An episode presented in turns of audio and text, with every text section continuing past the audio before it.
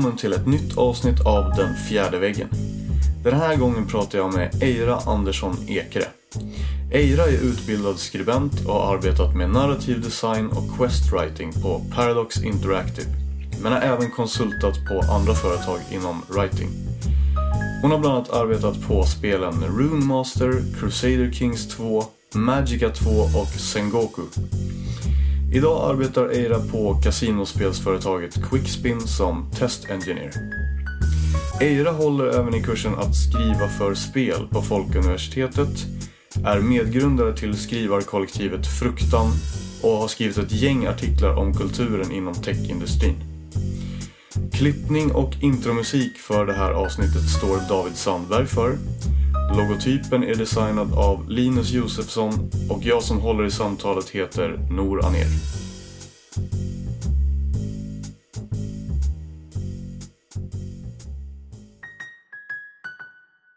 Jag började med så här, community management och lite testare för så här, free to play-spel. Um, ehm, som var så här, rätt tonårsfokuserat fantasy.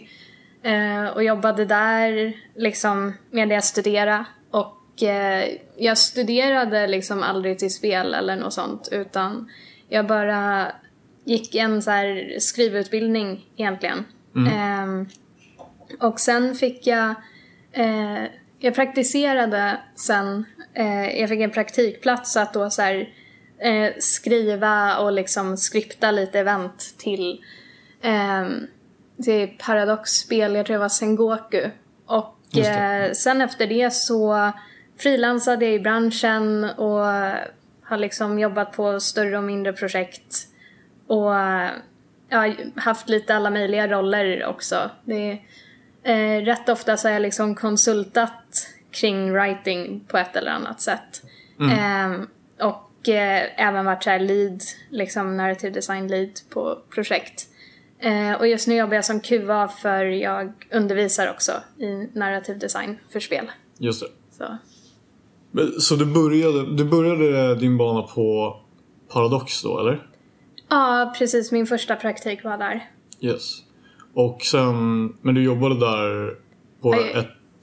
På jag jobbade där under en längre tid men det var ett par år senare så att jag hade ett par år när jag eh, ja, frilansade och eh, studerade lite mer. Och sen så var det en Paradox satsade på sitt RPG Rune Master. Som eh, jag var projektanställd där i ett och ett halvt år. Och då jobbade jag även på ett antal av deras andra titlar. Just det. Um, Okej, och sen gick du vidare till Quickspin efter Ja, det. precis. Som är ett... Uh, det gambling... Ja, företag. kasinospelsföretag. Kasinospel. Så Mm. de gör specifikt videoslottar, vilket är ja, slot machines med liksom lite mer features och sådär. Mm. Hur, hur kommer det sig att du hamnade där? Eh, jag kollade runt, eh, jag sökte specifikt efter QA-tjänster och eh, community manager-tjänster på lite mindre företag för jag var lite trött på liksom de, de större företagen och jag ville ha något som kanske inte var lika liksom eh, eh, att man jobbar lika mycket så för att eh, så eh, jag blev intervjuad för ett antal ställen och sen Quickspin fastnade jag för för att de har så här, helt fantastisk företagskultur och det är bara ett väldigt trevligt ställe att jobba på. Och Okej. dessutom så här kommer man hem vid typ 5-6 på kvällen vilket är perfekt när man har massa andra saker utanför jobbet som man också jobbar med. Och nu har jag tekniskt sett två jobb samtidigt. Så eh, jag behöver den extra tiden att kunna lägga på att undervisa. Men, hur, men du, ville du specifikt till den? Alltså till ett kasinoföretag eller var det mer... Nej, det var mer att jag var öppen för olika möjligheter. Alltså, det är ju väldigt vitt sprätt att så här, eh, man är fördomsfull mot mobilspel eller kasinospel. Det är så här, och det, det är nästan lite löjligt, men så gott som alla stora företag jag jobbat på så har det liksom varit att man totalt ser ner på mobilspel och kasinospel och det är inte lika legit liksom. Nej. Men eh, jag kände att så, här, så länge det är trevligt folk och liksom jag får betalt för arbetet så bryr jag mig inte så mycket om det. Och eh, jag tror också det är väldigt nyttigt att bara se hur liksom dedikerade och bara bra team det finns överallt. Det spelar liksom inte särskilt stor roll om det är en AAA-produkt eller något mindre man jobbar på. Men hur kom du in på, då gick du ändå från narrativ design till QA. Ja. Eh, hur, hur kommer det sig att du ville göra den övergången då?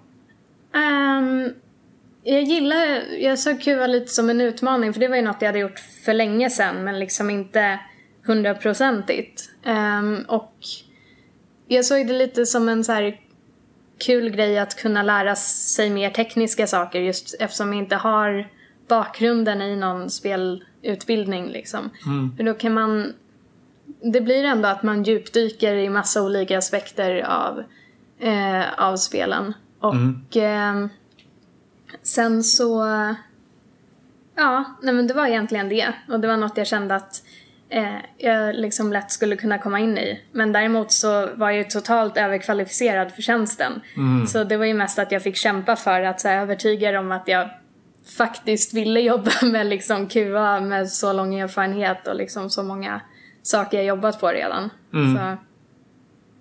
Ja, ja det, det, det är spännande. Ja, det... Var det. um, men hur, hur, hur känns det nu då? När du, när du har gjort det så att säga? Uh, jag har bara väldigt kul med det. Och uh, sen så, vi är ett hyfsat litet företag så det finns ju möjligheter att hjälpa till med andra saker inom företaget också. Mm. Så um, ja, jag har bara väldigt kul och det är liksom eh, jag har varit på många företag som har hävdat att de har som en så här platt organisation mm. men oftast så stämmer inte det alls. Okay. Men eh, på det här stället så kan man faktiskt gå och prata design med vem som helst eller organisatoriska saker med vem som helst och faktiskt ha en respektfull konversation kring det istället för att typ bara bli nedstängd för att man inte har en tillräckligt hög rang. Så att eh, det var jättehärligt egentligen. Mm. Det låter eh, ganska ovanligt i den här branschen ändå.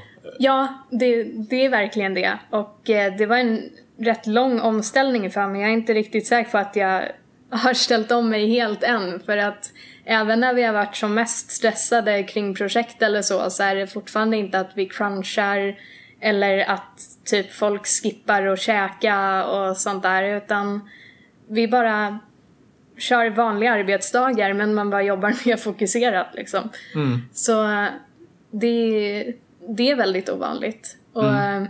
Det, jag har liksom haft flera tillfällen där jag så här, liksom har förväntat mig negativ backlash från chefer eller allt möjligt för att det är det man är programmerad inför efter så många år. Mm. Men så bara sker inte det och så bara jaha, ja men det...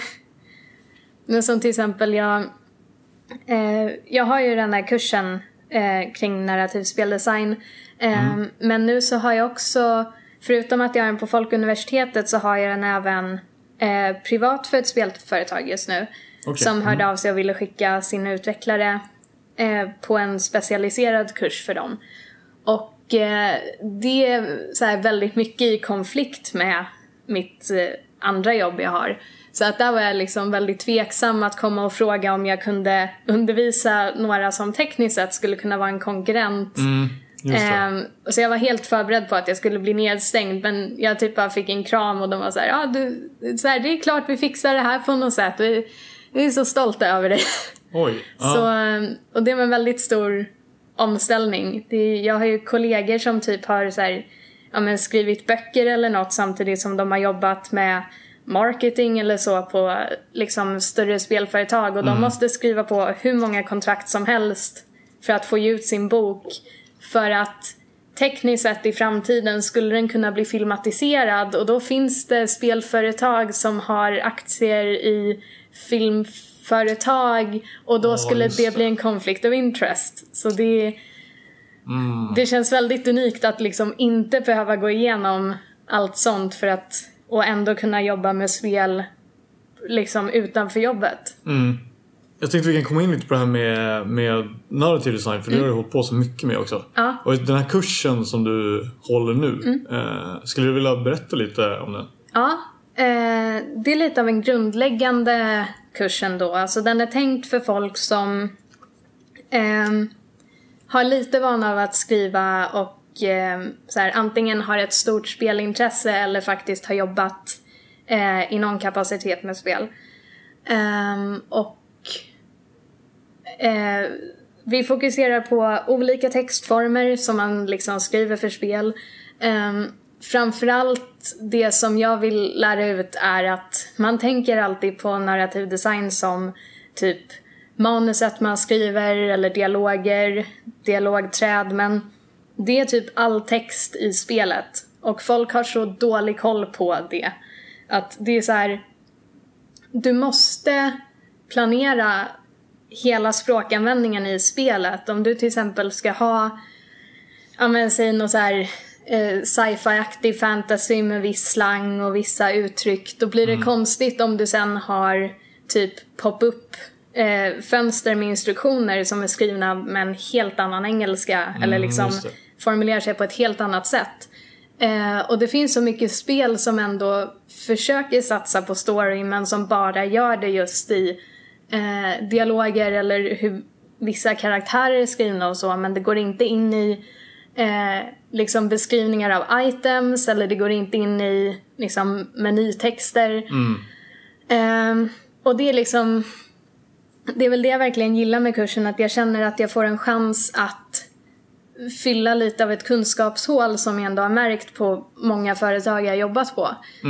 Eh, och sen är det också att personligen är jag lite trött på så diskussionerna eh, eller liksom nivån diskussionen som branschen har kring story och narrativ ligger på just nu. Eh, för just nu så känns det som att vi ställer frågor som så här kan spel påverka folk lika mycket som typ en film eller en bra bok? Och liksom svaret på det är ja. Det har de gjort i hur många år som helst. De kommer fortsätta göra det och de kommer bli bättre på det. Men eh, den stora frågan är så här, vad kan vi göra som är unikt med mediet? Liksom, eh, hur kan vi forma historier eh, och berätta historier på sätt som böcker och film inte kan göra? För att spel var ju väldigt länge inne på att man liksom eh, det var bara långa cutscenes och det var bara liksom väldigt filmiskt berättande. Eh, vilket kan vara jättekul. Men det finns så många möjligheter att påverka spelaren och berätta på mer subtila och andra sätt. Och jag tror att så här, de närmaste typ vadå, tio åren kommer verkligen leda oss i nya riktningar kring narrativ och så. Men eh, lite av ett krav för det är ju att eh, branschen växer upp lite och liksom eh, lär sig lite mer kring det. Eh, för det, det är lite som den här diskussionen som var typ, ja men under hela början av 2000-talet kring så här, är spel konst? Ja, och det enkla svaret är ja. Så då borde vi börja kritisera det som en konstform och observera det som en konstform. Och inte bara fortsätta ställa frågan. Utan man vill komma vidare och se, okej men det är konst, vad innebär det för mediet? Och det är samma sak med storyberättande, bara ja, det är minst lika eh, eh, minst lika bra media att berätta historier som liksom böcker och serier och film, så hur berättar vi de historierna? Eh, så, och det har bara varit helt fantastiskt. Jag är nästan klar med första kursen nu. Okej. Mm. För, och det är verkligen helt fantastiskt. Den är jätteblandad på eh, liksom vad eleverna har för erfarenheter. Vissa har skrivit mest men älskar spel och vill förstå liksom hur man faktiskt jobbar med det. Och sen har vi folk som har typ programmerat i 10-20 år av sitt liv och vill liksom uh, antingen kunna jobba på egna projekt eller liksom jobba mer med narrativ där de är nu. Och uh, jag har lagt upp kursen så att vi börjar med ehm, att så här, ja, men djupdyka i olika textformer, i olika ehm, teman. ehm, och sen eh, i slutet så får alla hjälp att så här, eh, jobba fram ett spelkoncept.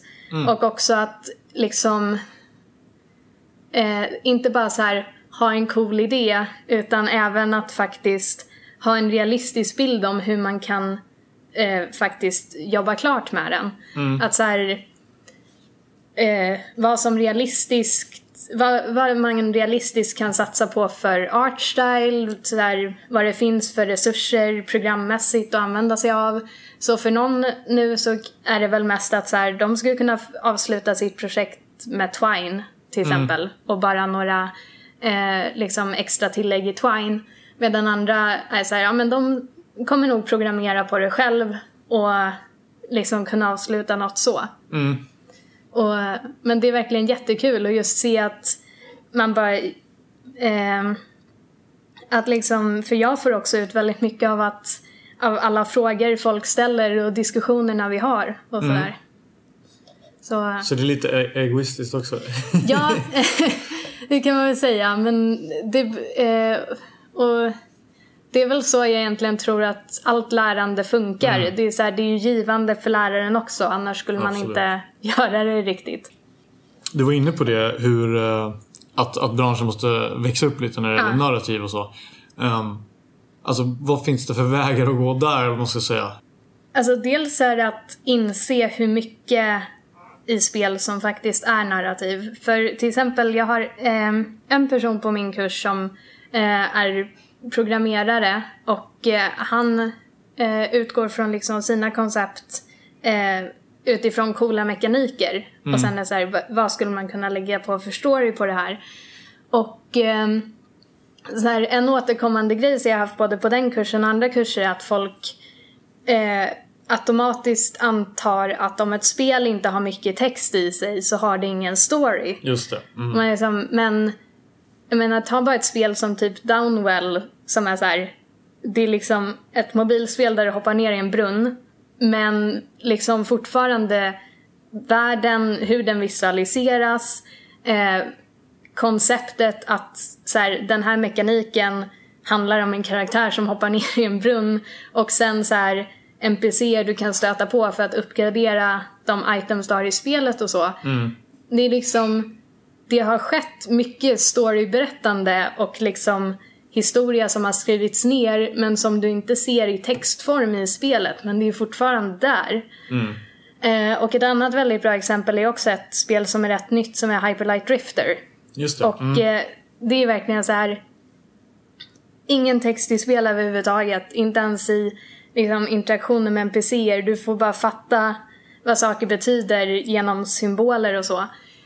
Eh, och när du pratar med karaktärer så eh, pratar ju de via stillbilder. Mm.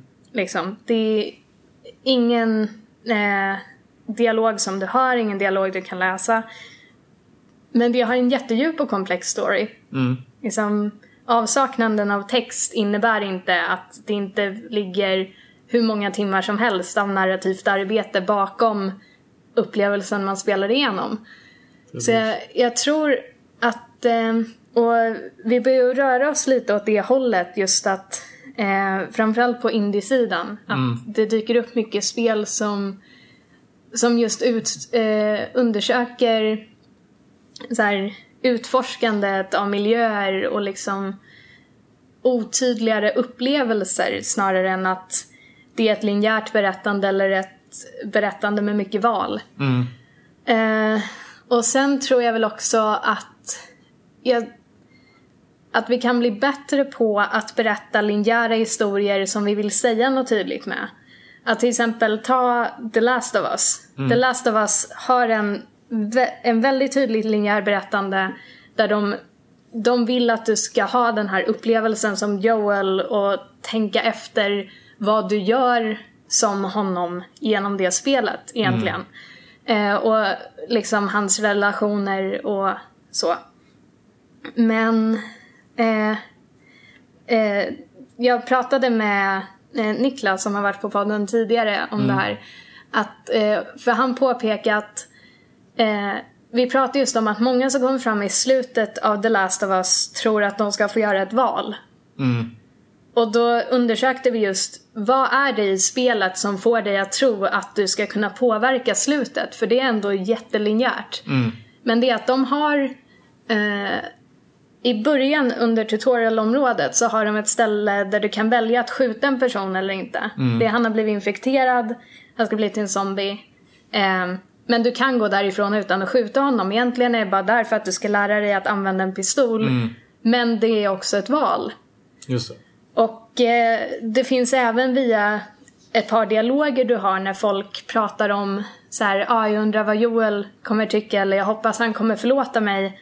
Och det bygger upp att man tror, ah, jag kan gå in i slutet och förlåta personen. Och så kan du inte det för det är linjärt. Mm. Eh, så jag tror...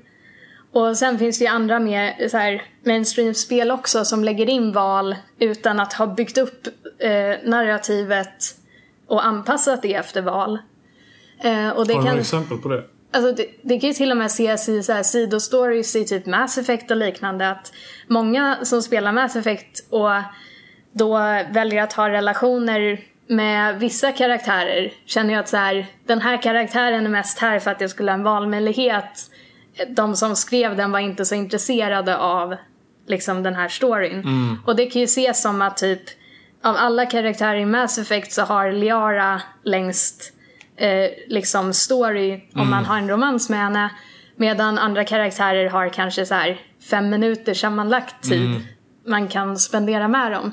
Så att det är ju där som det blir övertydligt just när spelutvecklarna är så här.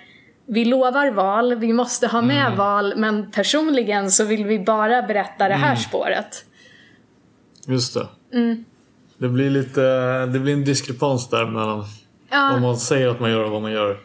Ja, och det är ju lite så här när det alltid blir buzzwords och liksom vissa saker som säljer inom spelbranschen, då får man ju alltid ett överflöd av det tills liksom tillräckligt med spel misslyckas och sen så går man tillbaks till att bara de som är intresserade av det formatet faktiskt använder sig av det.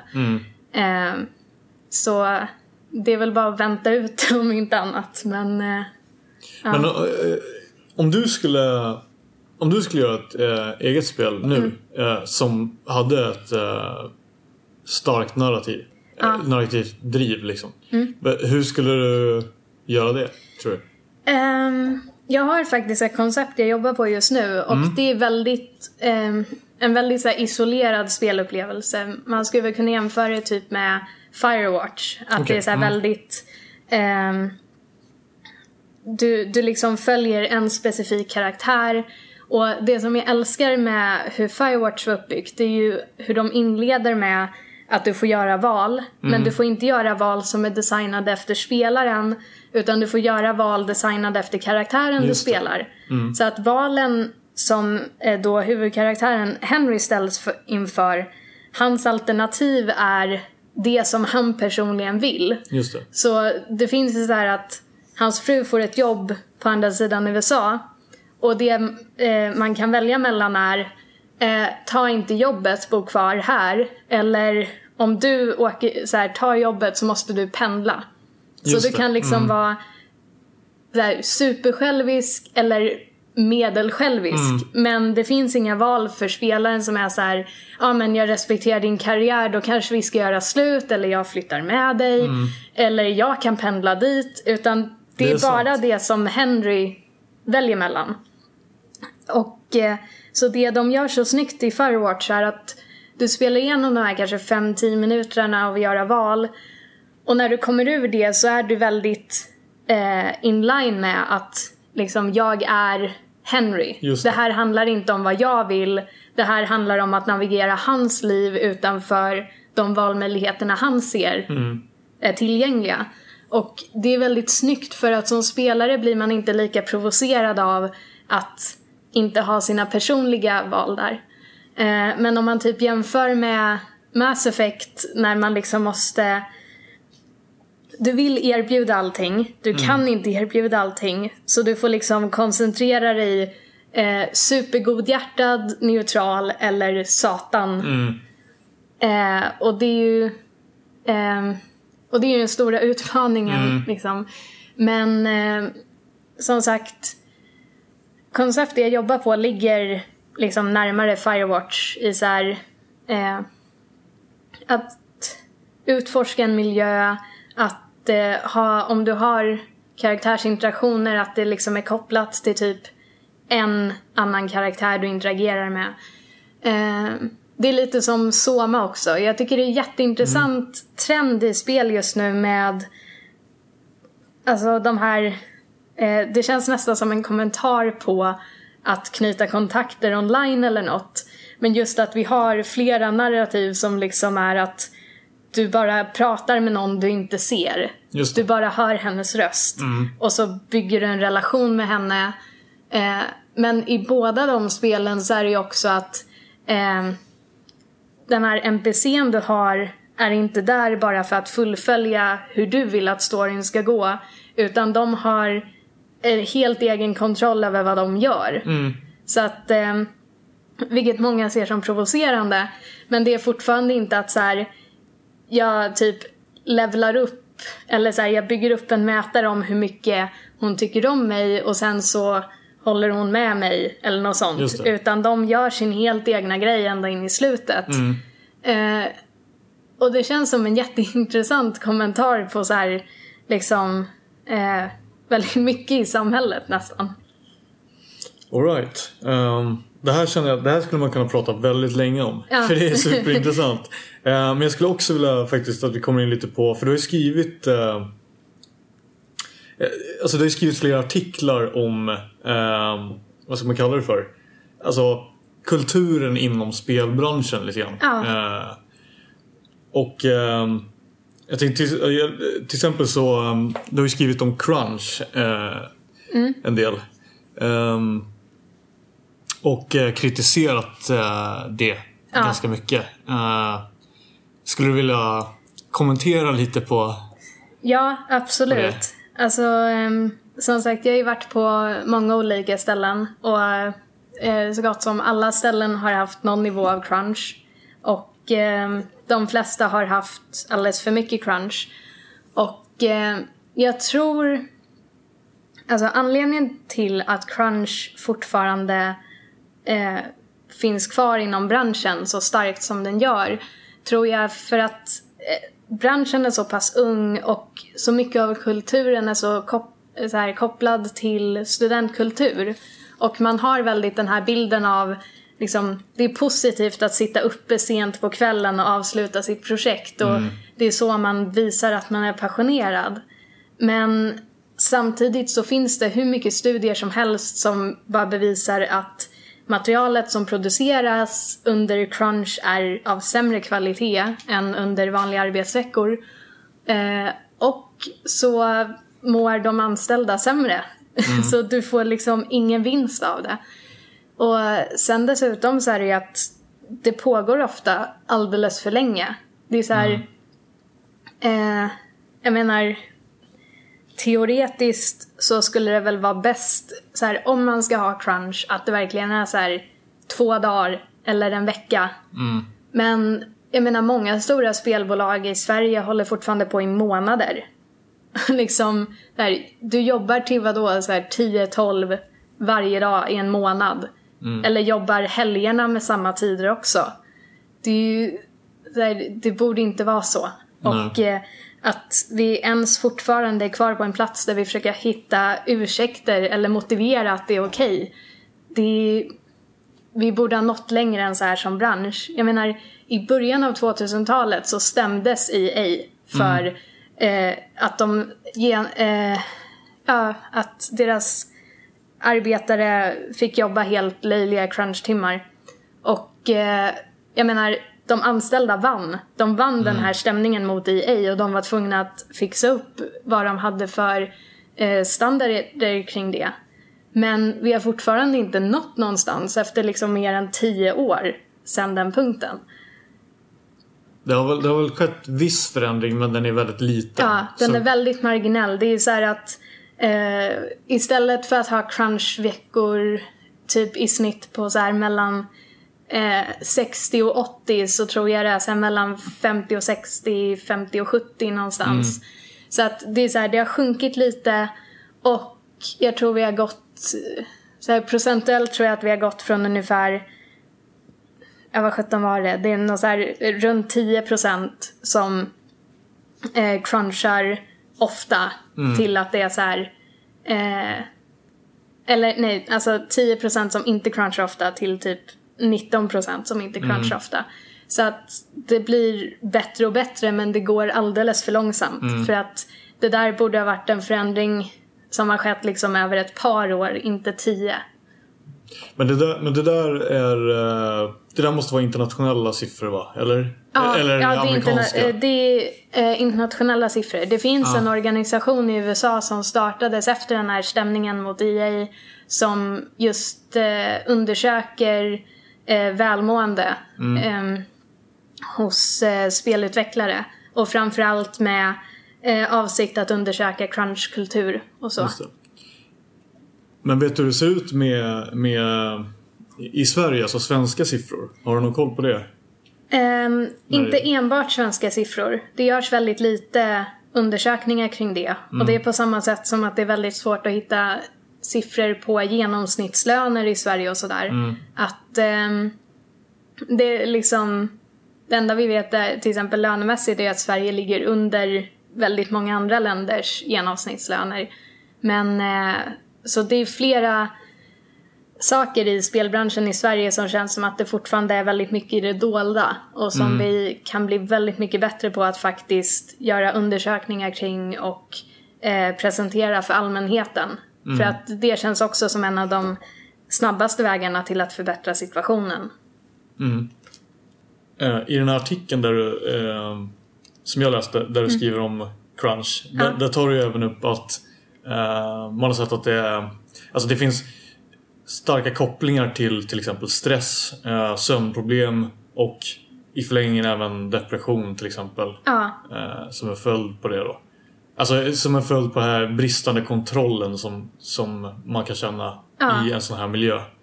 Eh, har du stå, utveckla det lite? Ja, alltså inför att jag skrev den artikeln gjorde jag jättemycket research. Ehm, det finns bland annat eh, Kotaku har skrivit en fantastisk eh, serie om som jag tror de kallar The Layoff Series. Just som just är att eh, utvecklare hört av sig och berättat om eh, olika scenarion där de har blivit sparkade. Ehm, och där ser man en väldigt återkommande tendens att de så ge, liksom jobbar igenom månader av crunch och sen till slut får sparken. Eh, för att projektet är avslutat. Så här, vi gick i mål, vi är klara. Du får hitta någon annanstans att jobba. Här är din belöning. Ja, lite så. Och, eh, men i många av de historierna så ser man också liksom samma typer av upplevelser och samma typ av sy- symptom man upplever efter ett tag. Och eh, det är även i liksom professionella studier så liksom Dels så finns det ju bara så här, man ska kalla vanliga stresssymptom. Eh, som så här sömnlöshet och eh, nedstämdhet som liksom kan gå över i depression. Eh, och jag menar det, det når så allvarliga nivåer av hur illa folk mår. Och det känns som ett här, väldigt stort eh, varningstecken när så gott som varenda utvecklare jag känner kan så här, berätta om eh, arbetsperioder som de inte kan komma ihåg. Att det är så här, ja men jag har någon vecka av den, liksom det där projektet som jag har ingen aning om vad jag gjorde. Nej.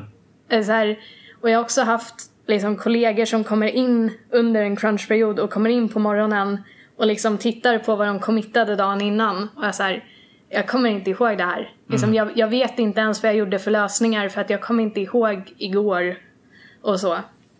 Och att det är att det liksom har nått en punkt där det är någon typ av bara normal upplevelse och att så här, folk tröstar varandra med att så här, nej men alla får det sådär ibland. Och liksom, nej, alla borde inte ha perioder av sitt liv de inte kan komma ihåg för att de var så överarbetade.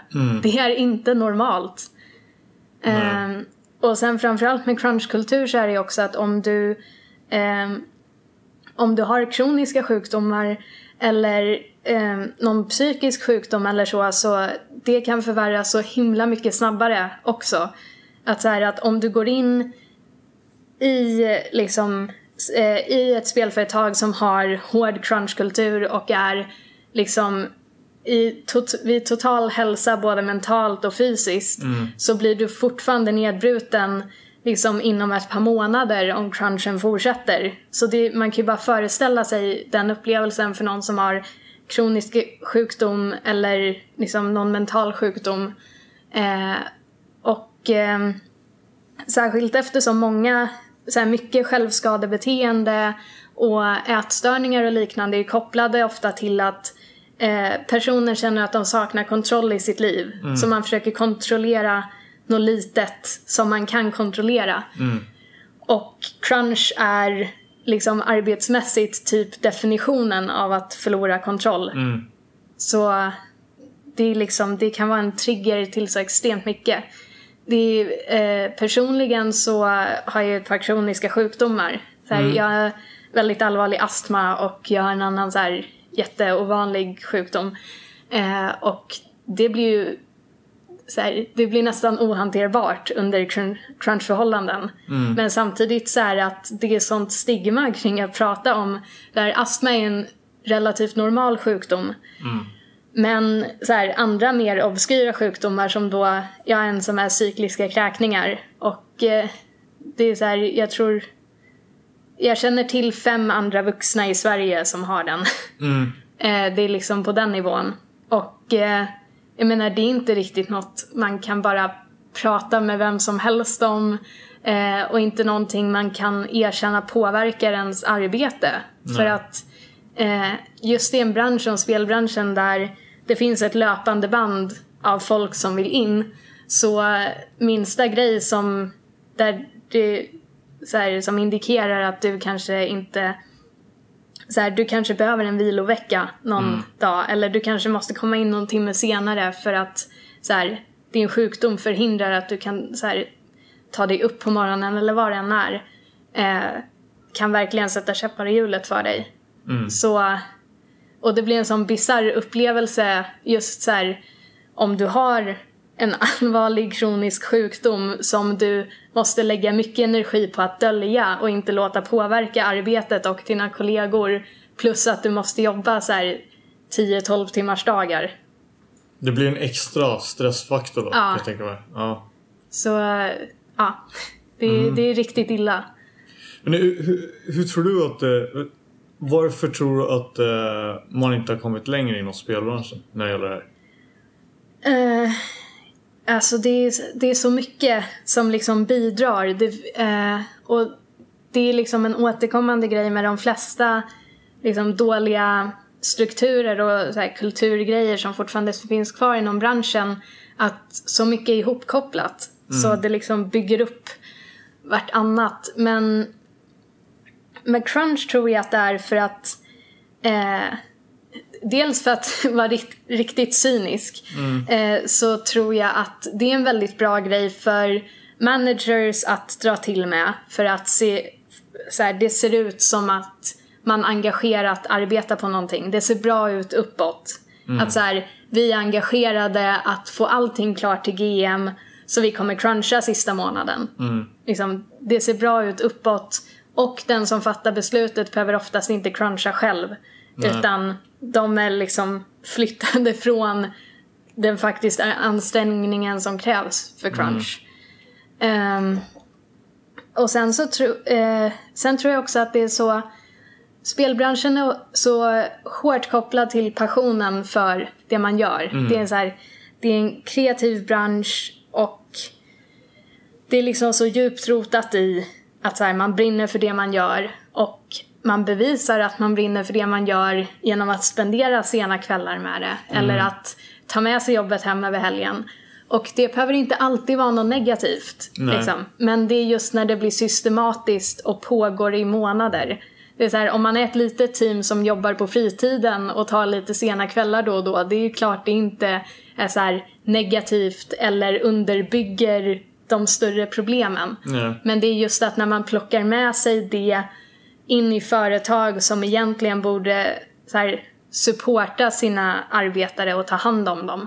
För att folk som jobbar korta dagar men är utvilade och känner sig bekväma kommer göra så mycket bättre ifrån sig än någon som så här, sov typ fyra timmar innan de var tvungna att åka in till jobbet igen. Mm. Jo, och det, det finns det ju mycket studier Ja. på. Liksom. Du har även skrivit om eh, mikrotransaktioner Ja. och eh, ja, vad ska man kalla det för? Alltså, men det negativa med det framförallt. Du uttryckte det så här i, i din artikel eh, att eh, när, det, när, det blir den, den enda inkomstkällan så, så eh, börjar liksom hela produkten byggas utifrån det. Ja. Eh, skulle du vilja kommentera lite på vad du menar med det? Ja, nej men det är ju så att du kan inte... Så här, om eh, hela inkomstkällan är att spelaren kontinuerligt ska betala dig liksom småsummor så kan du inte lägga upp ett spel på samma sätt som du skulle bygga det om det bara var att man köpte det och sen spelade igenom det. Och ehm, ett bra exempel på det är väl typ Dead Space 3. Som är så här, vi lägger in att du kan grinda för material. Men det tar oändligt mycket tid och det är väldigt drygt och det är inte kul gameplay. Och hela poängen med att det inte är kul gameplay är för att du kan betala för det istället och bara få det med en gång. Eh, och det ser man ju kontinuerligt i mycket så här, upplägg med mikrotransaktioner att så här, ibland finns det en in-game lösning till att få någon så här specifik item eller vad det kan vara.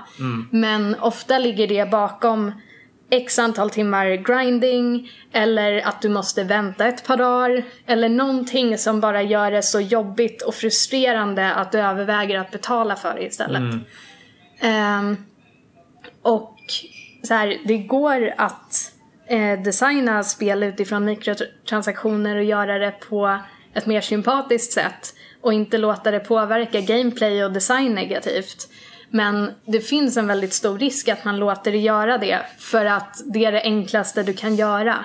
Det är så mycket enklare att så här, ja men en gång i timmen så öppnas det ett fönster där du måste köpa något och du kan inte stänga ner det och fortsätta med spelet. Än att komma på liksom en engagerande gameplay-funktion som så här, försöker tvinga spelaren att köpa något. Ehm, och ehm, Men eh, är det bättre då? Eh, ja, det tror jag. Eh, så här, jag tror det är mycket bättre att göra en genuint bra produkt där folk känner att ja, men det är nice att köpa saker då och då för att jag supportar en bra produkt som är bra genomgående. Än att göra något som liksom har bra aspekter men liksom riktigt dåliga funktioner som tvingar spelarna att köpa sig förbi dem. För att mycket, en återkommande liksom designgrej inom mikrotransaktionsspel är ju att eh, du måste skapa en superengagerande första upplevelse. Och sen betala för att komma vidare med den upplevelsen. Och sen behöver resten inte vara särskilt bra. Huvudsaken är att du får igång, du får spelaren så pass engagerad att de är såhär, jag kan betala liksom 10 spänn, 50 spänn, 100 spänn för att fortsätta. Och ehm, jag gjorde så mycket research för den artikeln och det finns så mycket där riktigt hemska exempel på liksom hur manipulativ den här designen kan bli. Och eh, framförallt i Kina finns det en sån här free to play, eh, en enorm free to play industri. Jag tror det var att de släppte 10 nya spel per dag eh, med, som är free to play. Och eh, utvecklarna räknar med att du måste tjäna in hela budgeten första veckan. För att det är så länge ett eh, så här medelmåttigt spel kommer få någon typ av liksom eh, uppmärksamhet. Och eh, sen efter det så är det bara liksom genuint bra eller liksom upphypade spel som har längre livstid. Så tänk dig att du har lagt ner liksom, ja men säg 10 miljoner på ett spel. Och du får in så här 5000 spelare, kanske första veckan. Och sen ska du på något sätt suga ut så mycket pengar ur dem. Ehm, och det är väldigt mycket att man bara skapar eh, ja, men så här, hål som spelarna slänger pengar i. Att så här, ja men jag kan betala för att nå högsta leveln. Men när du, när du inte ser matten bakom det så inser du inte att du kan lägga ner 10 000 dollar och fortfarande inte nå högsta leveln. Nej, exakt.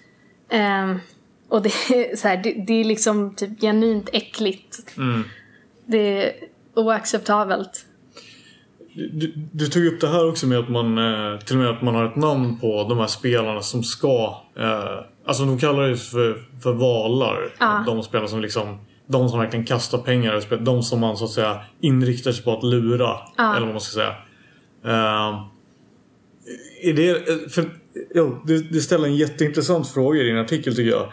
För, det, ehm, för att från början så finns det ju några men du, som jag så, läste in det så eh, menar du på att eh, är det inte så att man också skapar de här genom designen? Jo, det är det man gör 100%.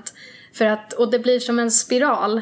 Ehm, för att eh, det man gör med valar är att på alla företag jag varit på har antingen haft free to play eller haft planer på att genomföra free to play-spel för att så här, där är framtiden. Ehm, och alla planer ser likadana ut och det är att man monetiserar valarna. Det är så här, alla som eh, vill låtsas som att de kan något om free to play kommer gå in i möten och säga jag vet lösningen, vi monetiserar valarna. Och valarna räknas till att vara ungefär 5-10% av de faktiska spelarna. Eller ännu färre. Och eh, de står för, ja vad sjutton är det? Det är så här upp mot 90% av pengarna som spenderas på spelet. Och så det du gör är att du vet att det finns den här gruppen som i vissa fall kan vara barn som inte vet att de spenderar pengar till vuxna som liksom bara är på en dålig plats i livet och liksom eh, så och så här, det är ofta en väldigt sårbar grupp på vissa sätt. Ehm, och det är de man targetar. För man vet att det är de man kommer få att punga ur pengar. Så man skapar system specifikt för att få dem att lägga pengar. Och eh, tack vare så här, eh, alltså det finns eh, free to play-företag som tar in psykologer och liknande. För att få feedback på hur designar vi interaktioner och eh, så här, vad för färger ska vi använda så att det är troligare att man trycker på köpknappen än någon av de andra knapparna. Och liksom eh, det går på en sån djup nivå av manipulation. Eh, men sen personligen så kan jag ju säga att här, jag har spenderat pengar eh, på Dota till exempel. Jag spelar jättemycket Dota och jag har lagt pengar på liksom skins till vissa av hjältarna jag spelar mycket. Eh, jag har definitivt lagt flera hundra spänn på det. Men det har jag också gjort under en så här två och en halv års period. Och det är ett spel av hög kvalitet som så här att hade det haft ett fast pris hade jag 100% betalat det. Men jag känner mig liksom okej med att jag kontinuerligt lägger så här 10-20 spänn eh, då och då för att jag får ut så mycket av det. För att det som blir riktigt illvilligt med mikrotransaktioner är att i spel betalar du för en upplevelse. Och upplevelser är så extremt subjektiva. Ehm, och om man jämför med gambling så där är det väldigt tydligt vad du lägger pengarna på. Du vet exakt eh, vad du kan få ut av upplevelsen. Och det är att du kan vinna tillbaks pengarna eller vinna mer pengar om du har tur. Det är liksom det målet som du går in med. Men till skillnad från mikrotransaktioner så eh, har gambling en åldersgräns. Det finns superspecifika regler i de flesta länder kring eh, hur spel får vi ut, eh, utformade, hur mycket pengar spelare får lägga på dem. Ehm, det finns mycket standarder kring att, eh, vad heter det, det kallas reality check. Alltså det är att det kommer upp pop-up som pausar ditt spelande och säger Hej, du har suttit här i typ 10 minuter eller vad det kan vara. Vill du fortsätta spela? Och eh, det finns liksom så mycket regler för att vi har allmänt accepterat att det finns risker med gambling. Det är lätt, eller det är inte lätt, men det händer att man fastnar och lägger för mycket pengar i det och så. Men med mikrotransaktioner så har vi inte det. det finns inga regler på app stores eller det finns inga åldersgränser. Och det är riktigt skadligt för att free to play-företag använder sig av så här, decennier av research som har gjorts av fysiska kasinon, mm. av digitala kasinon. Det finns hur mycket psykologiska studier och så som helst kring eh, liksom hur mycket design som helst. Mm. Men den ena har strikta regler kring sig och det andra har inte det. Och det andra targetar dessutom barn. Mm. Så det är liksom... Det finns väldigt mycket att göra inom eh, free to play och mikrotransaktions... Eh, liksom branschen överlag. Mm. Och eh, det känns ändå som att vi närmar oss någon brytpunkt där till exempel iTunes och eh, liksom Android och så här, app stores överlag faktiskt kommer börja introducera någon typ av regler. För att det är allt mer i spelmedia så börjar det här, den här diskussionen tas upp. Mm. Eh, då skulle jag vilja avsluta med att ställa min standardfråga. Mm. Nämligen, har du något favoritspel? Eh, något eller några. Uh. Och varför eh, tycker du att de är så bra? Och gärna kanske ur ett narrativt eh, perspektiv eftersom det är ditt uh. expertområde. Um, ett eh, som jag ofta pratar om är eh, Thomas Was Alone. Just som det. är mm. plattformer där historien berättas av en eh, berättarröst. Och eh, det, alla karaktärerna är liksom rektanglar och fyrkanter eh, som då samarbetar för att ta sig igenom den här världen. Och alla är väldigt byggda ut, här, utifrån ett karaktärsdrag. Liksom någon är feg, någon är narcissistisk, någon är skygg. Eh, men de bygger väldigt komplexa karaktärer och interaktioner från de här väldigt enkla utgångspunkterna. Och eh, det är en grej som jag återkommer lite till i min undervisning just att eh, spel går oftast, en spelproduktion går oftast dåligt när man försöker göra överkomplexa saker eller vara innovativ utan anledning. Mm. Och jag respekterar verkligen narrativ som vågar vara små och koncentrerade och liksom inte överkomplicera någonting utan man utgår från väldigt små koncisa kärnor och sen utvecklar man det till eh, liksom något större. Eh, snarare än att börja stort och sen behöva skära ner på det. Mm. Eh, ett annat sånt litet spel som jag tycker är väldigt kul är Little Inferno. Som okay. är, mm. man sitter framför en eld och eh, så eldar man upp olika saker. Och man kan elda upp dem tillsammans och få combos och sådär. Och under tiden så får man brev. Man får lite så nyhetsuppdateringar, man får brev från någon granne. Och eh, det är också så här, eh, är väldigt häftigt berättande och världsbyggande. Just för att du sitter bara framför din liksom eldplats typ nästan hela spelet. Mm. Och det är väldigt häftigt hur de lyckas bygga så mycket kring det. Bara genom de här breven. Och Eh, också så musiken och ljudet och sådär. Eh, och sen annars så är typ, alltså Mass Effect är ändå eh, var en av mina favoriter typ mm. någonsin. Det, jag återkommer alltid till det.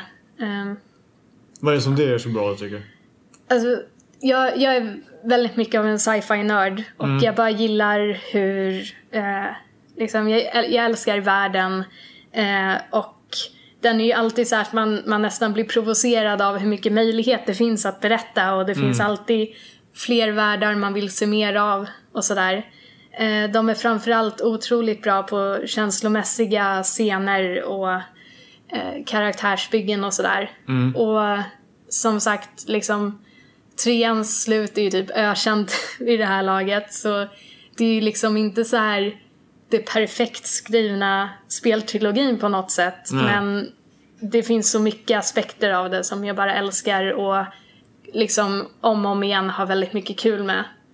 Mm. Bra tips. Mm. Men eh, jag får tacka dig så jättemycket för att du ja, ville vara tack. med. Det var jättekul. Mm, verkligen. Det här var ett samtal med Eira Andersson Ekre. Mitt namn är Nor Aner Tack så mycket för att ni har lyssnat.